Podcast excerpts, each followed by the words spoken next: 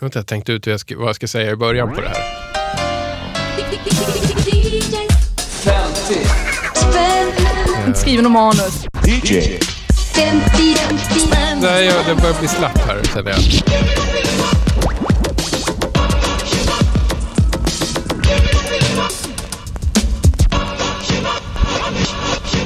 Ja, dags för billiga skräpskivor som luktar mögel och källare igen. Det är precis som vanligt i DJ 50 spänn. Jag har lite pollensnuva. Eh, det kommer hit en gäst som har eh, fått bränna 50 spänn på loppisvinyler. Och vi kommer spela dem och lyssna på dem i vanlig ordning. Eh, dagens Mystery Vinyl Shopper är, heter Rocky, sa du i alla fall i porttelefonen. Det är så de flesta känner till mig i alla fall. Det är ju ett rätt hårt namn att bära upp, är det inte det? Ja, ja men jag tycker jag bär upp det väl. Vad heter du på riktigt? Caroline? Det är inte riktigt lika boxarmässigt Nej, kanske? absolut inte. Och, och alltid när man heter Caroline blir man kallad för Caro. Just det. Och det är lite tråkigt. Så jag Ja. valde Rocky. Ja, men jag förstår det. Rocky Jensen på Twitter. Rocky Jensen på Twitter, Precis. Rocky Jensen överallt på internet. Och du är en riktig jävel på musikquiz, råkar jag veta. Ja, det kan man nog säga på ett sätt. Nu ska du inte vara blygsam här. Vi leder ligan, men det är ju mest för att det har blivit lättare med åren kanske. Vad heter ditt quizlag? Quizreich, Mycket bra namn. med prickar över i, Såklart. självklart. Men du, är, finns det en organiserad quizliga i Stockholm alltså? Inom vårat eh, Stockholms Music Quiz så Okej. vi är ju många lag som återkommer. Ja. Så vi har en liten maratontabell. Och där ligger ni alltså... Vi ligger i topp, första plats. Alltså, jag är lite så konfunderad över hela den här quizboomen som har funnits i Stockholm. Jag- är helt, helt för den typen av liksom, umgängesformer. Men fan vad svårt det är. Jag har ställt upp två, kanske max tre gånger och varje gång har slutat i total förnedring. Och då är det inte så att jag har liksom ingått i något dåliga lag heller på pappret. Men vi har liksom blivit utsopade på nolltid. Men det beror ju på förmodligen att quizmakaren har varit alldeles för inne i sitt eget huvud och tänkt att göra ett quiz som den vill tävla i istället för vad andra människor vill tävla i. Ja, men kanske. Men du, hur är ett perfekt quiz konstruerat? Hur, vad är ett bra quiz? Eh, ganska långt, Mhm. för det är kul att quizza. Mm. Man vill inte sluta. Men vad, hur många frågor? Vi kan inte säga hur många frågor. Eller hur många skivor?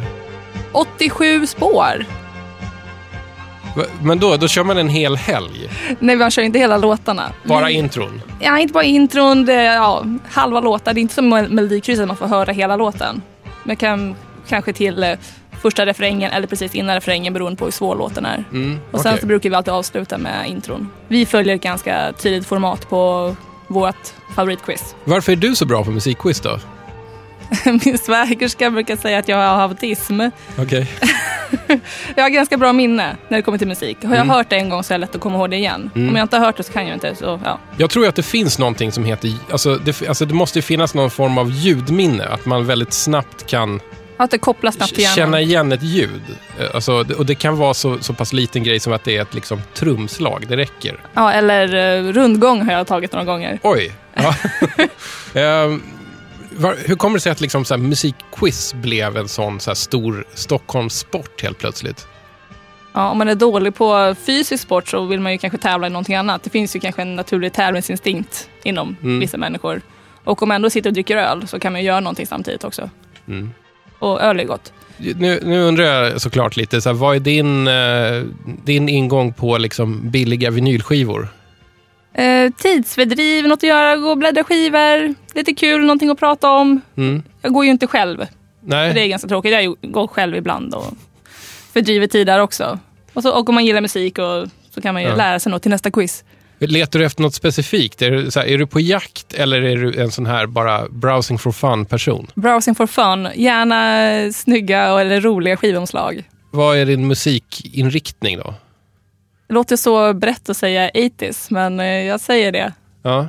Tajta byxor, stort hår. Och gärna om det är dubbeltecknad eh, konsonant i, eh, i bandnamnet. Hur menar du? Nu fattar Ja, jag inte. RAT, 2T. Ja, det är jätteviktigt. okej. okej. Det, det, Men det, det är kul i alla fall. Ja, otroligt, otroligt nischat. Men Inte säga att jag köper allting, men det är så här, åh, åh, kul! alltså, är det någonting bra? Är det någonting att hänga i julgranen nu, så här, tj- 25 år, 30 år efteråt nästan. Ja, jag tycker ju ja, uppenbarligen att det är det. Ja. I alla fall, ja, en skiva i alla fall. Out of the Cellar, den har fyra helt okej låtar. All right. Men är det inte så också med, med hårdrock att det är ganska sällan man hittar det bland de billiga skivorna? Där får man plussa på lite. Ja, om man vill ha bra skivor i alla fall. Ehm, Men jag är inte så ute efter särskilt bra Nej, skivor. vad härligt att höra. Eh, Du har ju fått bränna 50 spänn. Här får du eh, 50-lappen som de får ligga ute med. Tack, ska Eh, var shoppade du? Eh, Stockholms eh, skiv och seriehandel där på Sveavägen. Ganska sällan jag har vägarna förbi där, men den verkar ganska bra. Den är ganska rolig, men eh, mycket ligger på golvet. Just det. Det är Så- arbetsmiljöfara. Arbetsmiljöfara, ont i ryggen, ont i knäna. De fem skivorna du hittade, var det, var det, var det värt sveda och verk? Ja, vissa av dem i alla fall. Några absolut. Då tänker jag att vi ska sätta igång. Jag, jag behöver väl kanske egentligen inte dra hur det funkar, men vi, vi, du har alltså fått köpa fem begagnade billiga vinylskivor för då det maxpriset sammanlagt 50 spänn i eh, fem olika lite halvkrystade kategorier som jag har tänkt ut här. Och jag tänkte att vi ska börja med den eh, lite läbbiga eh, totala slumpkategorin här. Random Access Vinyl. Ehm, jag fick beslutsångest och bad mitt sällskap att eh, rycka en skiva i en hög.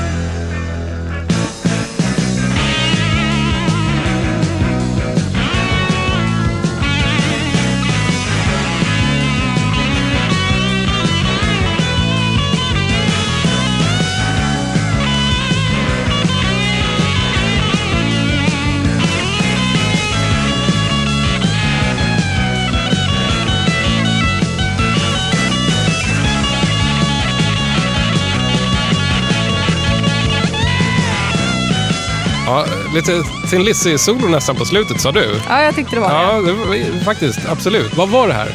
Det var Marshall Chapman från skivan Jaded Virgin. Why can't I be like eh, other girls? Det här var alltså ditt totala slumpval. Yes. Eh, jäkligt roligt. Jag har aldrig hört talas om Marshall Chapman. Jag, jag hör, när, när, när du skickade en lista innan du kom hit så tänkte Marshall... Mar, alltså det, man tänker ju att det är en... Att det ska vara en rätt hård countrykille som ser ut som eh, vad heter? Walker Texas Ranger. Ja, något sånt. Men sanningen är att istället är det ju en, en, en, en kvinna som, när jag bildgooglade henne, ser tio gånger hårdare ut än Chuck Norris. Ja. Dock inte på det här omslaget. Han Nej, nej, nej. ut. Den gladaste Ja. gitarrspelaren någonsin. Vad kände du när du drog upp det här? Alltså när jag drog upp den kände jag, men ja, det här tar jag. Det här Mm. vet jag absolut inte vad det är. Så det kan vara kul också. Har, har du lyssnat igenom hela skivan? Eh, stort sett. Eh, lyfte på pickup-armen några gånger när det blev för såsigt. Så, den här låten kanske inte var helt representativ. Den är inte representativ för skivan, men den är bra. Ja, men jag håller helt med. Jag, jag bara liksom lite snabbt och ytligt researchat Marshall lite grann. Och det var ju så här, jag, jag tänkte direkt så här, varför har jag inte hört talas om den här människan förut? Eller hur? Hon kommer alltså från en sån här, Rik eh, sydstatsfamilj som Precis. har någon bomullsplantage eller ja, och sen så verkar hon ha droppat ut ur universiteten och börjat hänga liksom med alltså country outlaws Till och med ett vidare. fint universitet, Vanderbilt. Just det, det är väl ett sånt prestige. Ja, inte Ivy League, men, eh, Men, men ja, ja, ja, sånt som nämns i sitcoms. Överklassunge helt enkelt som bara, nej, skit i det här, nu ska jag börja spela country istället och spela på hårda barer och liksom Mm. kämpa sig upp. Jag tyckte det var kul att hon var lång. ja just det. Six foot Och just, one. just att ja. eh, hon har döpt sitt eh, skivbolag också, heter ju Tall Girl. Mm. Och den här låten är ju lite grann som en lite så här minibiografi. Ja, alltså man behöver inte läsa så mycket på, på Google eller, eller man kan bara lyssna på den låten. Mm. Precis. En stor grej var att hon såg Elvis när hon var sju år. Ja, det, det började allt, alla, så fort man googlade henne, det var det första raden. Hon såg Elvis som var sju år, det förändrade hennes liv. Och det tyckte hon också var jätteviktigt, för det är första raden. Ja, men eh, om jag fattade rätt så partade hon också rätt hårt då, givetvis under, under 70-talet. Så, här, så att hon var tvungen då, som amerikanska stjärnor gör när det har gått för långt, att hon också har haft en sån här rehab-fas, kommit ut sen. Undrar om det inte var då hon började också skriva böcker. Ja, det är tre, Ja, tre böcker. jag tror, två, jag tror två eller tre böcker. Mm. Men det är ju badge of honor, man måste vara på rehab, annars är man ingen riktig stjärna. Du, sa, du nämnde såsigt, liksom, men vad, alltså genremässigt. Vad, är, är det, det här var ju liksom rätt rockigt. Jag det var för- superrockigt, ja. Ja, jag hade förväntat mig lite mer country egentligen. Det blir ju en hel del singer-songwriter-vibbar på vissa spår. Right, och det ja. är ju något som jag inte har tålamod för. Det blir jag rastlös för. Ja, men det går väl hand i hand med 80-talsintresset. Att 80-talet ändå levererade, alltså det var ganska, ett ganska musikaliskt pang påigt decennium. Yes. Men du har gjort en cover på um, uh, I walk, walk the line, uh, Johnny Cash-låt. Ah, Och den är superlångsam. Första spåret på den här sidan. vi, vi, vi, vi tar ett litet smakprov. Jag, jag bara släpper ner nålen här någonstans.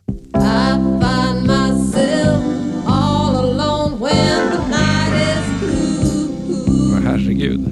Ja, det är ju lite såsigt. Yes,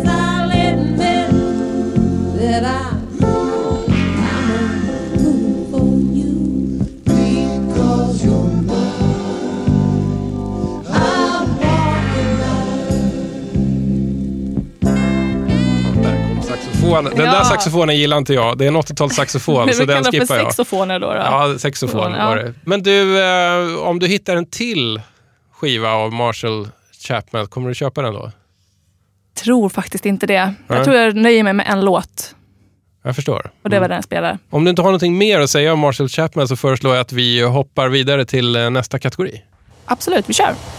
Nostalgiköpet.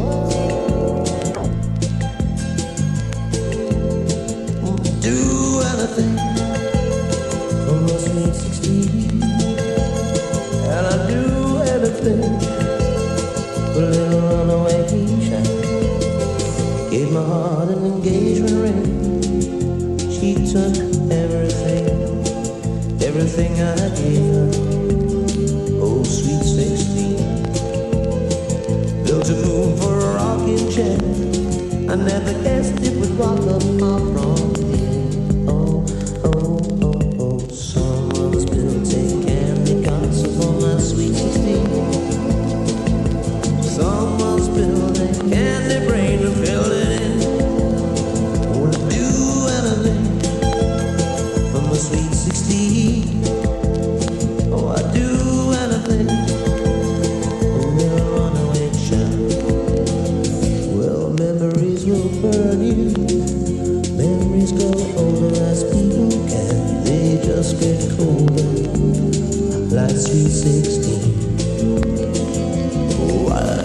it's clear, baby, that you are all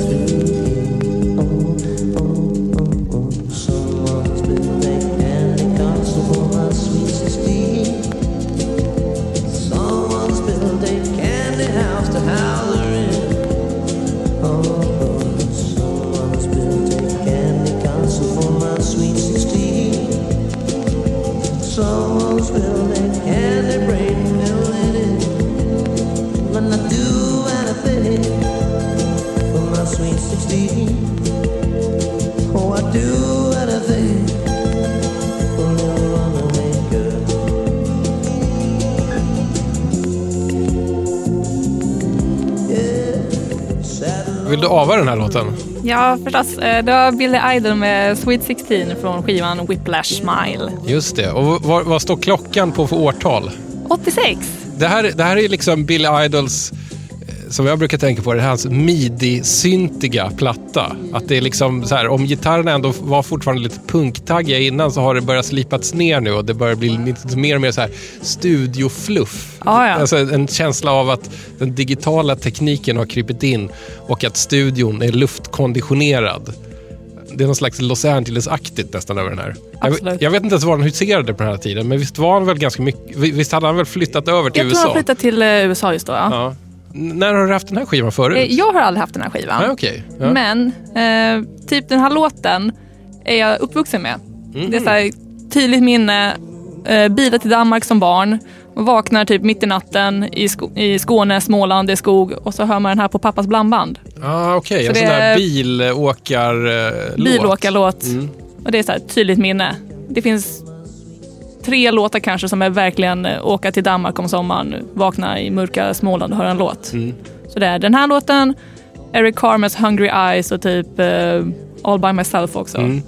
Den har ju vad jag, vad jag brukar kalla för P4-kvalitet, den här låten. Ja, absolut. Alltså det är så här, det är midtempo, det är så här, det är ganska lättlyssnat. Visst vemod, känns som att den funkar jäkligt bra på liksom någon landsväg någonstans ute i, i landet och liksom det skymmer över vårt ledsna lilla land och så kommer Det är lite poetiskt. Vad tycker du om Billy Idol idag? Är det någonting så här som du så här, suktar du ibland efter en Billy Idol-låt? Det är den här låten i alla fall. Det är nog den jag spelar mest. Mm. Ehm, ja. Men inte så att jag får Bill Idols cravings mitt i natten. Till hans försvar, han ser ju, han ser bra ut. Mm, Han är jag, fit. Jag, jag vet, jag har, jag har faktiskt av en viss anledning googlat honom lite på sistone. Eh, och då kan jag säga att han, ja, det, det, det är liksom en sån här, en, en, en man som är 50 plus men är i väldigt bra shape för sin ålder. Lite för solbränd. Billy Idol har nu, när vi spelar in det här, dykt upp tre gånger i programmet. Det vill säga att Billy Idol är uppe i toppen av liksom 10 kronorsbackarna. Ungefär som Grace Jones och Lill Lindfors. Det är en sån artist som jag ärligt talat börjar fundera på att införa ett litet embargo mot här. Att, eh, någon slags three strikes you're out-regel. Att, för, för att liksom, ja, det kan bli lite tjatigt om de dyker upp för ofta. Förståeligt, Mm. men eh, Ehm, jag, jag är inte så bekant med den här Whiplash Smile-skivan. Har den, inga har den några rökare? Liksom? uh, I don't need a gun eller någonting. Det är jätteroligt om de kollar på baksidan. Som att försöka ställa in den här skivan. Mm. Ehm, vad såg jag det någonstans? Nej, jag, vet, jag vet vad du menar. Ja, på, på this is no rebel yell. Så, nej. Ja, this ain't no white wedding, this ain't no rebel yell, this ain't no midnight hour, this is a whiplash smile. Ja, Mm. precis. Nej, det här är inte så jättebra egentligen. En disclaimer. Jag får liksom bara känslan av att det, det var med den här skivan som han började liksom bli lite min, alltså att han, att han började sjunka lite Jag i och med den började här. dala lite grann. Att han hade, hade liksom, det här är skivan när det börjar gå ut för. Ja, precis. Ja. Jag, jag såg också en rolig grej eh, när jag gjorde lite research på Bill Idol var att han var tänkt att vara med i Terminator 2. Det var som fan. Eh, Det, vet inte om det stämmer, jag läste på Wikipedia, men att eh, är det, vet han James Cameron, regissören, mm. Hade gjort eh, sketches och modeller för att efterlikna Bill Idol, så han skulle vara med. Men eh, han kraschade förstås sin motorcykel, det, så att det var, så det ströks. Ja, vad synd. Men han fick istället, han blev ju nästan som en robot, han fick ju en metallstav i benet istället. Precis, på, i Han verkligheten blev en så blev äkta han Terminator. ja, en, en cyborg. som sen blev cyberpunk. Den cyberpunk-plattan, den, eh, Inte. den kanske vi inte ska prata så mycket om. Det, det Jag en, tycker man kan stanna med den här skivan på Bill Idol. ja, ja, men det tycker jag också. Vi, vi, alltså, det, här, vi- det här är hans sista skiva. ja, vi fryser där och, Yes. och förnekar att det finns en liksom, Billy Idol-historia som egentligen pågår än idag. Ja. Då så, ska vi gå vidare till Chansningen. Om man inte är bekant med namnet kan man luras till att tro att det här är stand-up comedy på LP. ja, det är en, en, eh, verkligen. en man med väst på en Men det scen. finns en sticker där som förklarar också. Att Det gör det, ja. är det. ja. Mm, precis.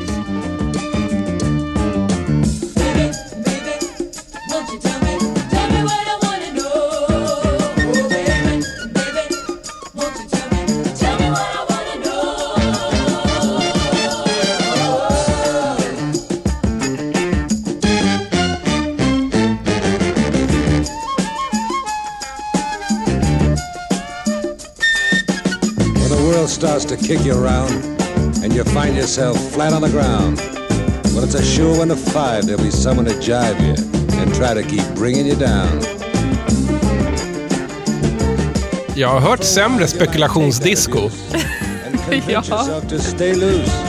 But then one day he'll throw you away and say you're good for nobody's use. But then I'll come your way, turn your blackest night into day. When you're needing it bad, cause of rough times you've had, I'm gonna look at you and I'm gonna say, Who loves you, baby?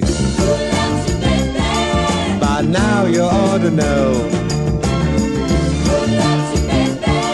Well, I can't always let it show. By now you really ought to know. This is one thing I don't want to blow. Baby, baby, won't you tell me? Tell me what I want to know. Baby, baby, won't you tell me? Tell me what I want to know. Vad, vad var det här? Det var TV's Kojak, Ja. Telly Savalas med Who Loves You Baby. Ja, fantastiskt. Det här, var, det här var vad jag brukar kalla för spekulationsdisco. Alltså när någon såg att man kan tjäna pengar på disco. Kan vi inte ta han i den här deckarserien och be honom prata på ett, över discokomp? Och så ser de så här, hon dollartecken Ja. för ögonen. Det kanske funkade ganska bra. Du hittade den ändå för, för en billig penning, vilket Ja. är en indikation på att det finns många, hyfsat många exemplar av den i alla fall. Ja, fast förmodligen inte det som eh, motsvarade förhoppningarna om försäljningen i alla fall. Kanske inte. Ehm, ja, men okej. hur- Telly Savalas, uh, känd, mest känd i rollen som Kojak. Alltså, Ja. so, som är en... Ja, en, en snutserie från Snut, ja. 70-talet. Han gillar eh, att ha en liten sån här lollipop i munnen. Som alla hiphoppare sen hade på 90-talet. Exakt. Det är min koppling till Ja. Kojak. Jag minns inte ens om det här är en bra eller dålig snutserie. Jag kan inte påstå att jag sett den. Jag bara sett liksom klipp från... Grejen med, med Kojak var väl att det var väl mest att han såg, att han såg cool ut med liksom så här helt, helt så här skinande blank flint. Ja, som bowling. Ja, ja, exakt. Hur, vad, vad tycker du, hur funkar han som pratsångare? Han funkar faktiskt ganska bra som pratsångare för han ligger ganska lågt i registret. Så det, Mm. Ja, det är blir, det så- blir lite coolt om man har neutral eller gällröst. Så det, Han har ju sån här, alltså, crunchig röst. han har lite swagger. Mm, verkligen. Jag känner ju mest att jag, jag, jag försöker febrilt läsa på omslaget vem som spelar flöjt här. Alltså det, det, är väldigt, det är väldigt lite studiopersonal listad här. Det står liksom vem som har skrivit och arra- arrangerat låtarna och vilka som körar. Men, Nej, så jag kommer aldrig få veta det tror jag. Vilket år är det här? Det här är 76 eller någonting va? jag kollar faktiskt inte årtalet. Det, det är liksom, ja 76 står det. Så det, Ja. det, är ju, det är någon slags brytpunkt vad det gäller liksom också sån här spekulationsdisco. Efter det här så, så, så, så brukar jag tycka att det, att det är mindre det organiska försvinner efter Saturday Night Fever. Men här låter det ju som så här studio jazz-typer som ska spela. Liksom. Så att det, alltså den är, den är liksom lite luftig och flytande och inte så, inte så marschig. Liksom. Jag gillar ju marschtakt. Gör det? Ja, men det, det, det är ju för att det, det, är liksom vägen in i 80-talet. Det, det, är det du gillar. Ordning och reda. Precis, att trummisen måste ha, ha, om det finns en trummis i en trummaskin så måste trummisen ha liksom så här klick i öronen så att en, så här, en metronom spelar efter stackaren. men du, är du nöjd med din chansning? Nej, jag var, jätte, jag var ärligt talat skitförbannad. Var det det? Eh, Den här låten hade jag nog hört på något vänster om eh, tv-skådespelare som ville göra musik. För jag tänkte, ah, Bruce Willis, eh, Return of Bruno, ja, den är ju halvkul. Så därför fastnade jag för den och jag hade hört den här låten och sen så satt jag på första spåret och där tror han att han är typ så här någon Frank Sinatra wannabe. Mm. Och det blir väl så här försök till crooner och det, nej, det är roligare när han ska köra pratdisco. Ja, för just det. resten är mer, Men vad, kan han liksom sjunga då? Eller? han kan ju sjunga bättre än vad jag kan. Men det är ju för säkert för att han är mer säker på sin röst. Men han är inte någon, Frank Sinatra kan ju inte heller sjunga egentligen. Jo, Det kan han väl? Nej, jag, jag, nej. Ja, men, sjunger väl acceptabelt. Va, vad är det mer för låtar på den här skivan? Jag, blir, jag blir väldigt så här... Man tänker ju ändå här att de försöker tjäna pengar på en tv-succé. Så man undrar ju så här vad de snabbt som, som attan klämmer ihop och spelar in här. Jag valde ju, satte ju på första spåret, eh, startade, det hände ingenting. Jag lyfte, lyfte så svor jag lite och eh, lyfte och vände till eh, hit, hitten. Det var inte Jag i känner, min in, smak. jag känner inte igen många låtar här. Det är Gentle on my mind, det är väl en countryballad va? Är det Mm. det? Det är det enda, det enda jag känner igen här annars. Ja, jag, jag, är, jag är ledsen, men det är ju så med chansningar. Alla chansningar är inte bra chansningar. Nej, jag tänkte först fuska och gå tillbaka och göra en ny chansning. Men eh, jag har en viss heder att Mm. tänka på. Vad ska du göra nu med Telly Savalas skivan? Kränga iväg den. Mm. Vad, vad kan man få för den tror du? En kopp kaffe. Ska vi hoppa vidare en kategori till då? Mm. Då är det dags för... Skivbörsklassikern. Och om det finns skivbörsklassiker som är mer klassiska än andra så skulle jag nog säga att den här är nog en av dem. Den är den ultimata.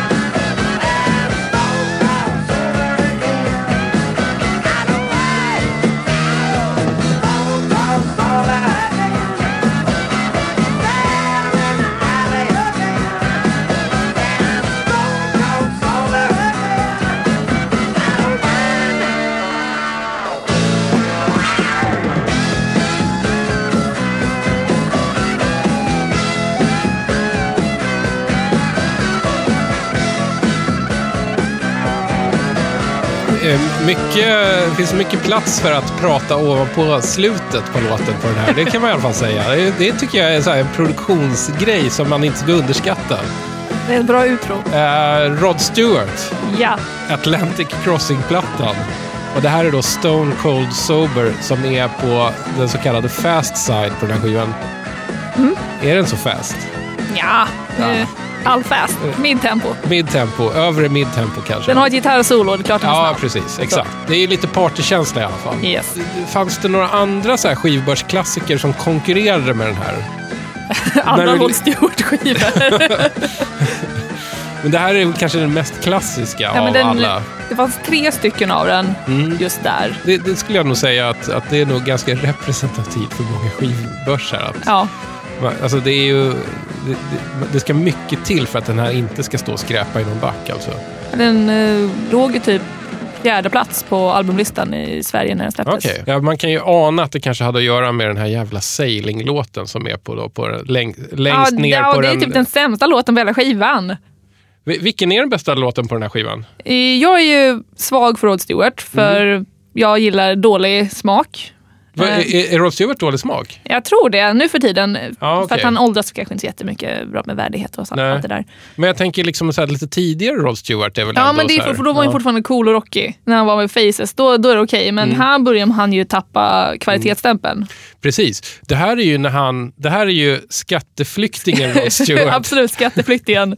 Han drog från, från Storbritannien för att Labour införde lite nya skatter som inte han ville bet- betala och då blev det Los Angeles för hela slanten. Ja. Jag bara tänker så här, hör man det i musiken? Mm, jag vet inte om det blir så mycket LA-såsigare, det tycker jag nog inte. Nej. Det var, ju, det var ju mer markant på Billy Idol. Va- vi- Vilk, vilken är din favoritroddan då annars? Eh, på skivan eller favorit Ja, Rod ja, Rod Stewart på det stora hela. Ja, men det är väl egentligen eh, eh, 80-talet. Baby Jane, den är fantastisk. Mm, med, med saxofonsolo och allting. Ja, Det är den bästa saxofonen. Och den är jag också uppvuxen med, det är också en bilåkarlåt. det kan jag förstå. Den har vissa P4-kvaliteter också. Eh, men det, alltså, jag får ju ändå känslan, alltså, den här skivan, Atlantic Crossing, känns ju ändå som, så här, bryt, för mig är det brytpunkten me- mellan liksom, så här, tidigare Rod Stewart och sen den Rod Stewart som vi, som vi fortfarande på något sätt har idag. Alltså att, Men det är ju med den här skivan som är brytpunkten då han hoppar av Faces på riktigt. och det är väl också här någonstans som det blir mindre skotskrutigt och mer tiger och leopard på roddan. är, det inte, är det inte så? Ja, absolut. Han, gillar ju, han har ju alltid gillat mönstrat, har jag lyckats klura ut. På Ja, olika sätt. Ju längre 70-talet går, ju närmare vi kommer liksom våra dagar, så är det liksom eh, lite, lite skrikigare och animal print helt ja, enkelt. och så har han den här fantastiska röda skinnkostymen. Mycket, mycket bra Baby Jane-tiden. Ja. Va, alltså, det senaste jag hörde om Rod Stewart var att han hade så här, tagit på sig en smoking och eh, sjungit lite så här gamla evergreens. Ja, men det är The Great American Songbook har han Just gjort det. Ja. massa volymer av. Det är det han ska liksom försörja sig på till, till Ja, men han, är ju, han försöker ju åldras med värdighet eh, trots frisyren. Mm. Och då blir det eh, evergreens. Rod, vad var det som hände? du, det är bara en eh, skiva kvar att spela. Mm. Vi är framme vid... Fyndet. Nu är det dags liksom för, för liksom det tunga artilleriet. Ja. Det, det, det mest värde för en tia eh, i det du köpte. Mm. Ja, vad spelar vi från den här då? Ja, det, ja, det är så svårt att välja. Vadå, det inte ett svagt spår-skiva, eller? Ja, nej, absolut Mm. inte. Ja, kanske ett, fast det är typ min topp fem skivor all time. Eh, oj. första spåret. Mm.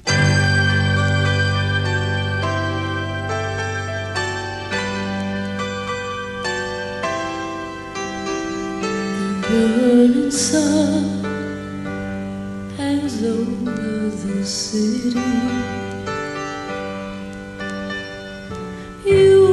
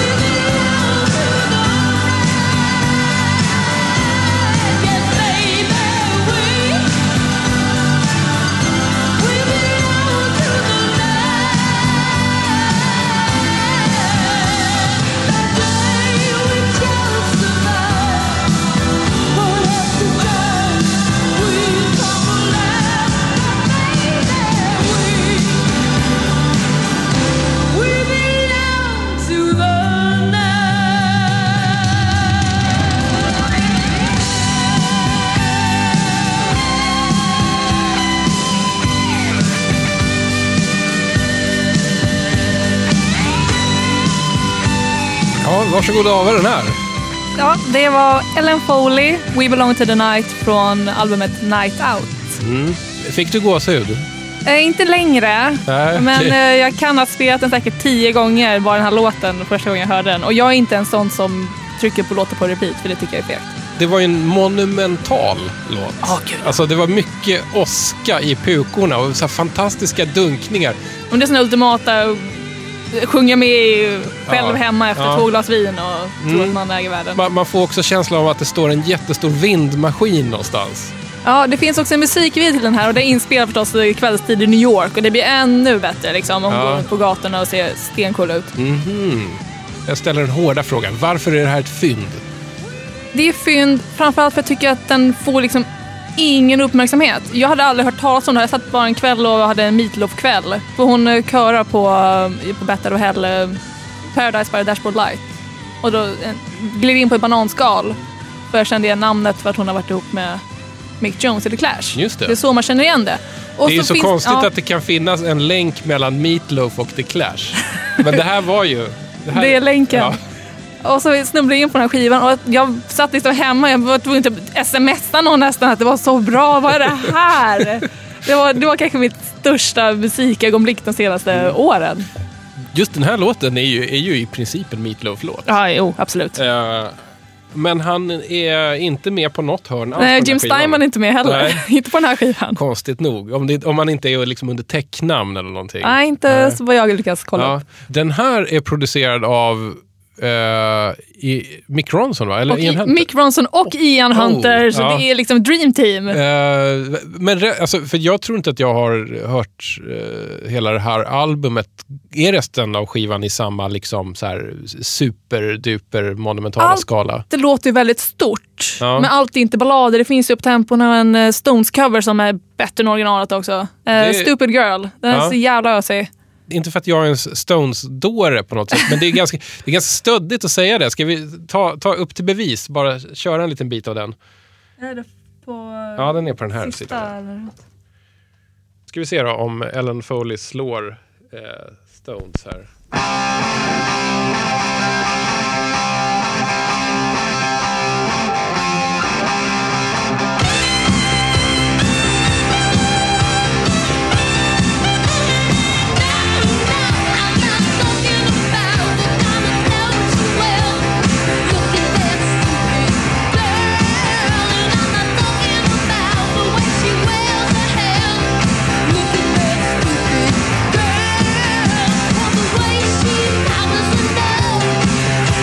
Ja, men okej, jag, jag är beredd att hålla med. Det, var- det här var ju, var, ju, var ju rivigt. Ja. Spelar inte mer den låten. Gillar ni vad ni hörde, gå och köp den här. Ni kan hitta den för 10 spänn om ni har tur. Ja, jag hittade den för 20 spänn en annan 20 spänn. gång. Ja, ja, räddade den då. Ja. Det här är mitt dubbel-X. Jag- Jag vet väldigt lite om Ellen Foley egentligen. Alltså, vad, vad är hon för liten pusselbit i, i rockhistorien egentligen? Ja, hon har ju var typ skådespelerska först. Och sen så typ bakgrundssångerska med Meatloaf. Eh, hon har även varit med, Jim Steinman hade ju ett, eh, ett tjejband som han låg bakom som hette Pandoras box. Mhm. Eh, Det, det, Pandoras, pa, Pandora box är också en dragqueen, men det är någonting annat. Okej. Men det, eh, konceptmässigt så är ju det redan insålt på mig. Det där måste jag genast springa och lyssna på sen. Jag vet inte om det finns jättemycket inspelat av det, men de Ja. gjorde or- originalet till I would do anything for love. Aha. Eller någon annan låt. Ja, men eh, någon sån där Mm. original. Varför får Ellen Foley så lite kärlek idag då?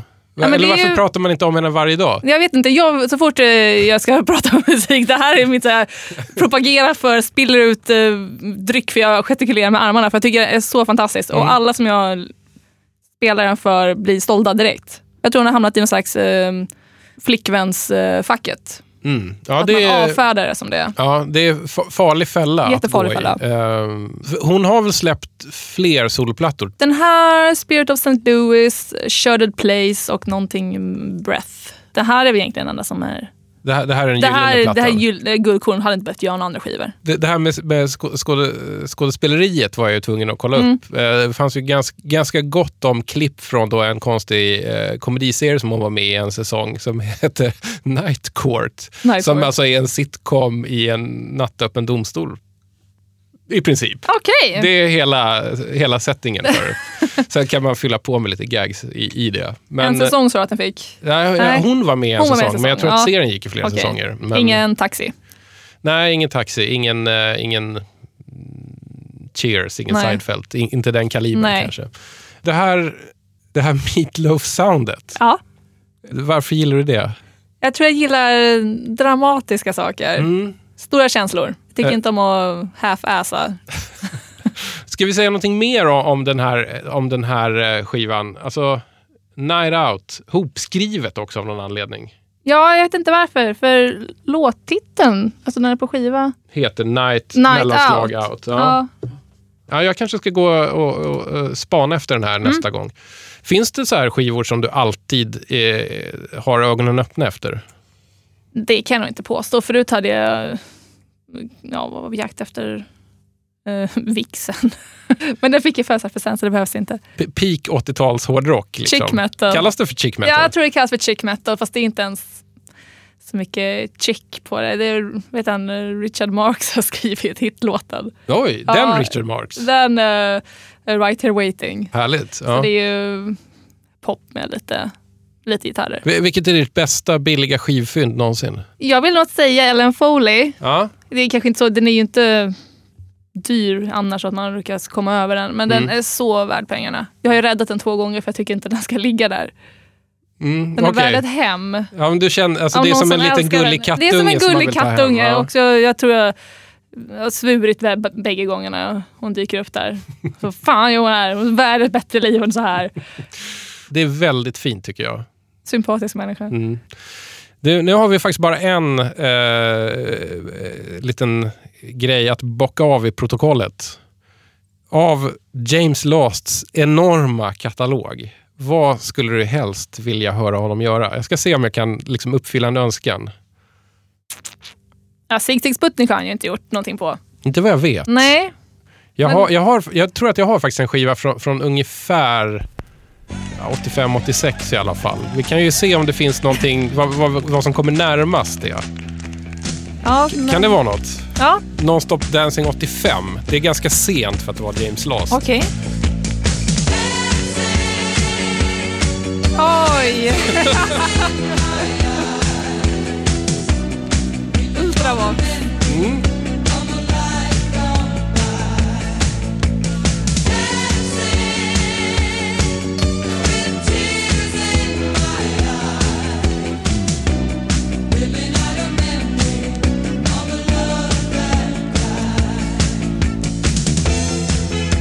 Det enda som är synd med James Last i mitten på 80-talet är att blåset är mixat så lågt. Ja. Jag gillar ju när det är liksom lite glöd i trumpeten annars. Som det är så här. Ha saxofoner. Ja, det är inte James Lasts starka sida Nej. faktiskt. Han, han, är- han är ju en trumpetkille. Ja.